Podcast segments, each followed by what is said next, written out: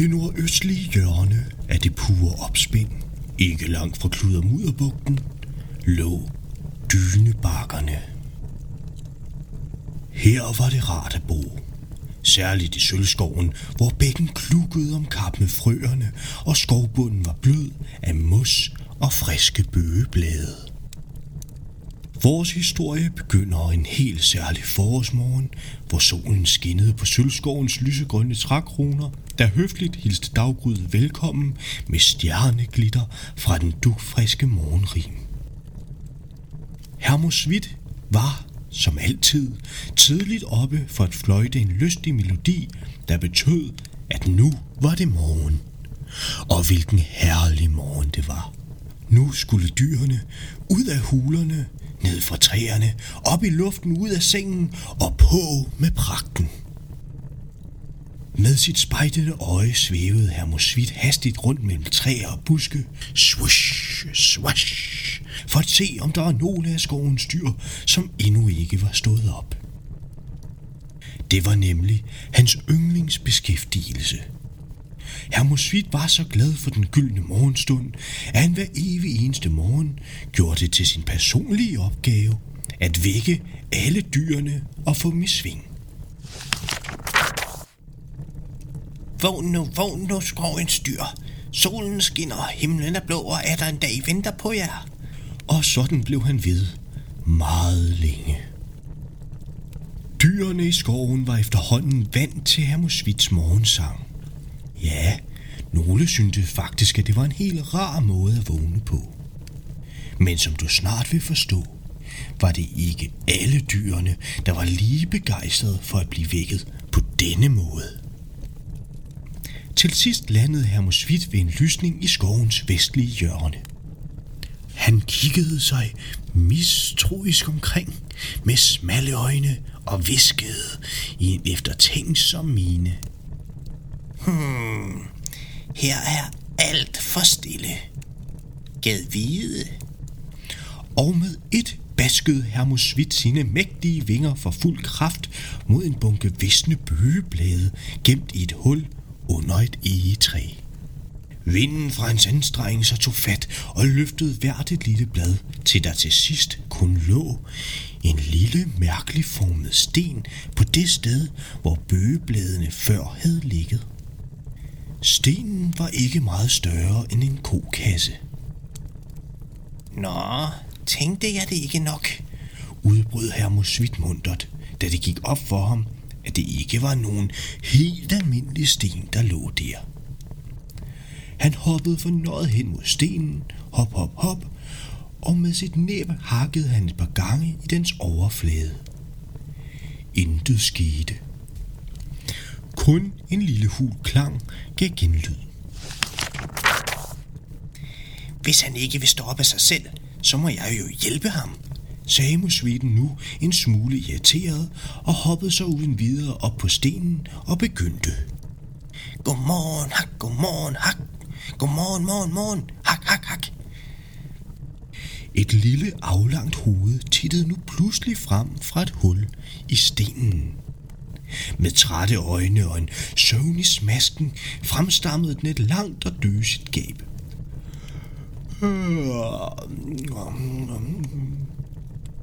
Jamen, hvad er der los? sagde skildpadden. For du har vel regnet ud, at stenen i virkeligheden var et skildpaddeskjold, ikke? Skildpadden kæmpede med at holde øjnene åbne.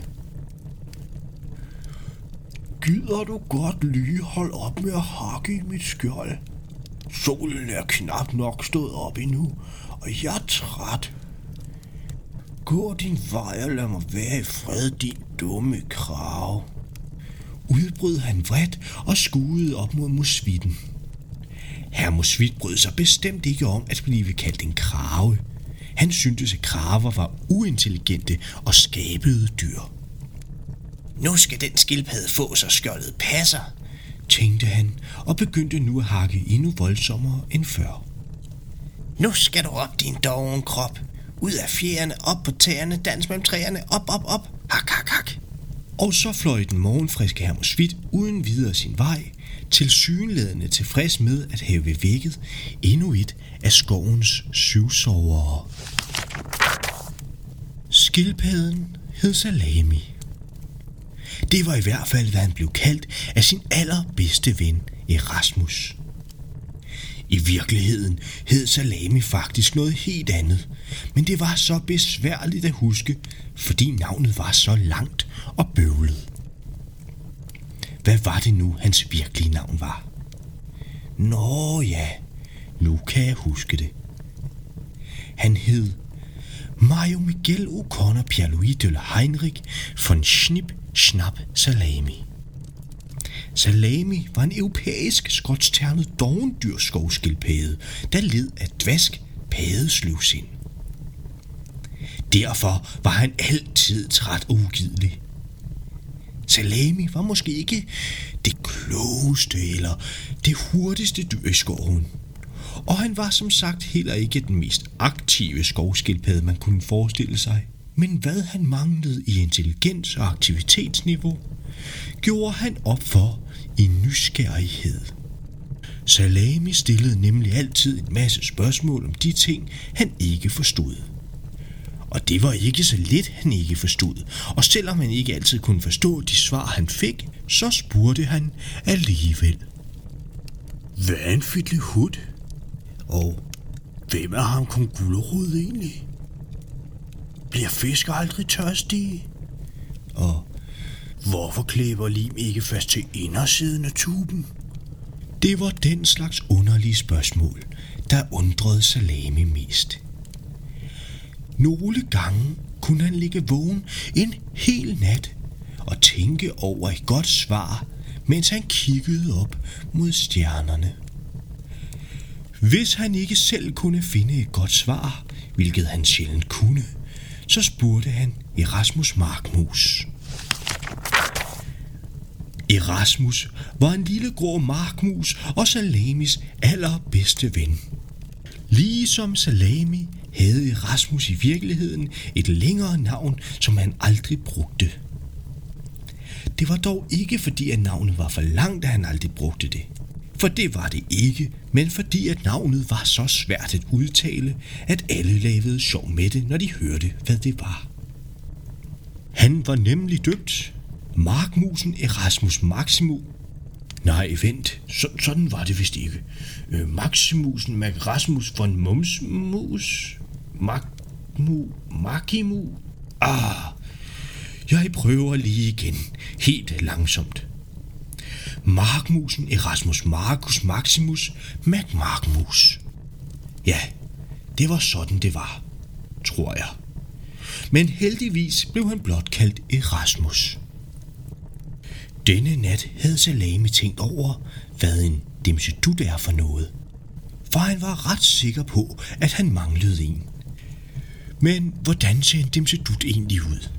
Og hvad kan man bruge den til? Han tænkte og tænkte alt, hvad han kunne, men kom som sædvanligt ikke frem til noget svar. Måske hans gode ven Erasmus kunne forklare ham det. Erasmus plejede at have svar på det meste, så det var da et forsøg værd. Til Salamis store held kom markmusen netop piblerne hen ad jorden i samme øjeblik. Lille bitte og hurtigt farende hen over jorden, iført en lille grøn kasket med skyklappen vendt bagud, spænede han frem. Det så sejt ud, syntes Salami. Her kommer jeg. God morgen, Salami. Hvad laver du her til morgen? Pep den lille markmus og stoppede op lige foran skildpadden. Godmorgen, Rasmus, jeg sad lige og tænkte på noget, som jeg slet ikke forstod. Og så tænkte jeg, at du måske kunne forklare mig det. Ved du tilfældigvis, hvad en dimsedut er for noget? spurgte Salami efter tænksomt. Først fnøs Erasmus, hvorefter han svarede. Ved du ikke engang, hvad en dimsedut er, din sløve skildpadde? Alle ved da, hvad en dimsedut er. Drillede Erasmus, mens han rystede på hovedet og vendte øjne af den forvirrede salami. Jamen, Erasmus, vil du så ikke forklare mig, hvad det er? spurgte Salami nysgerrigt og kiggede den lille markmus lige i øjnene med et spændt og forhåbningsfuldt blik. Øh, forklare? Altså, jo, ser du... Erasmus blev pludselig helt forfjamsket. Han kiggede sig nervøst omkring og virkede en smule underlig. I en dem, demsedut, fortsatte han. Det er øh, lidt ligesom en, øh, en dingenot. Ja, ja, ja, ja, ja, ja. En demsedut er en blanding mellem en dingenot og en himstergems. Så enkelt er det. Salemis øjne blev helt store af ren forbavselse, og han sagde i en meget beundret tone. Nøj, du er så klog, Erasmus. Du ved bare alting. Wow. Hvordan ser sådan en dimsedut så ud? spurgte Salami med endnu mere beundring i stemmen end før. Jo, øh, ser du, en dimsedut er som sagt ligesom en, en tingest og en hemstergims. Salami afbrød Erasmus midt i det hele. Øh, Erasmus, jeg troede, det var en blanding mellem en dingenot og en hemstergims. Det var da også det, jeg lige sagde. Udbrød Erasmus irriteret. Du sagde altså en tingest og hemstergims, Erasmus. Svarede skildpadden nu endnu mere forvirret end før. Gjorde jeg? Nå ja, det er faktisk også det samme. En himstergems og en ting er nøjagtigt de samme ting. Men som jeg skulle til at sige, så ser en dimsedut ud præcis ligesom en hud med krimskrams på. Og nu synes jeg ikke, vi skal tale mere om det, for så bliver det bare alt for kompliceret for sløve skildpadder. Og med den sætning løb Erasmus op på Salamis skildpaddeskjold og lagde sig til rette. Salami blev helt eftertænksom. Jamen, hvordan ser en fiddlehud med krimskrams ud? tænkte han ved sig selv. Det næsten snurrede inde i hans hoved. Han forstod ikke helt, hvad Erasmus mente, men det lød både klogt og rigtigt. Hvis du vil vide mere, må du spørge spøjtelakkerne, sagde Erasmus med en søvn i smasken, mens han lagde sig godt til rette på skildpaddeskjoldet. Hvad er spøjselakker for nogen? Erasmus sprang op. Spøjselakker? Ha, det skal jeg fortælle dig. Spøjselakker er spøjse små væsener, der snakker som sprøde dimsedutter og spilopper, der bakker og hopper og hopper, så dingenoterne stopper og krimskramse dutter, mens dimserne prutter som grå hutter og finurlige filur. Øh, men hvad, hvad er der så specielt ved dem? Sig mig, hørte du slet ikke efter? En stor spøjselak med en lille fidus kan badut springe rundt i sit eget hus, der er lavet med alskens sus og dus af løjerlige mus med krimskrams på. Tingeling Dingenot Kalorius og Fjong bor i en balje fyldt med beton, der er bundet af snor til en blå ballon, der svæver på himlen i de bedut fason. Og til sidst skal jo nævnes de kære små vimser, der elsker deres tjuskede himstergimser. Og når det kommer til disse, er humlen ved det hele at fodre dem med linser og spæk, de kan dele. Det var vist alt om de spøjse spøjse lakker, der både hopper, prutter og snakker, og hvis du er heldig en dag, vil du måske se dem i skoven ved et tingeltangeltræ. Nu forstod Salame det meget bedre. Sådan da. Han tænkte så meget, at skildpaddeskjoldet begyndte at knirke og knage. Salami kunne ikke finde rundt i alle de fiddlihutter og dingenoter og dimseditter og dimsedutter. For ikke at tale om de der tingester og himstergimser med krimskrams på, og hvad der nu ellers var af tingeltangel.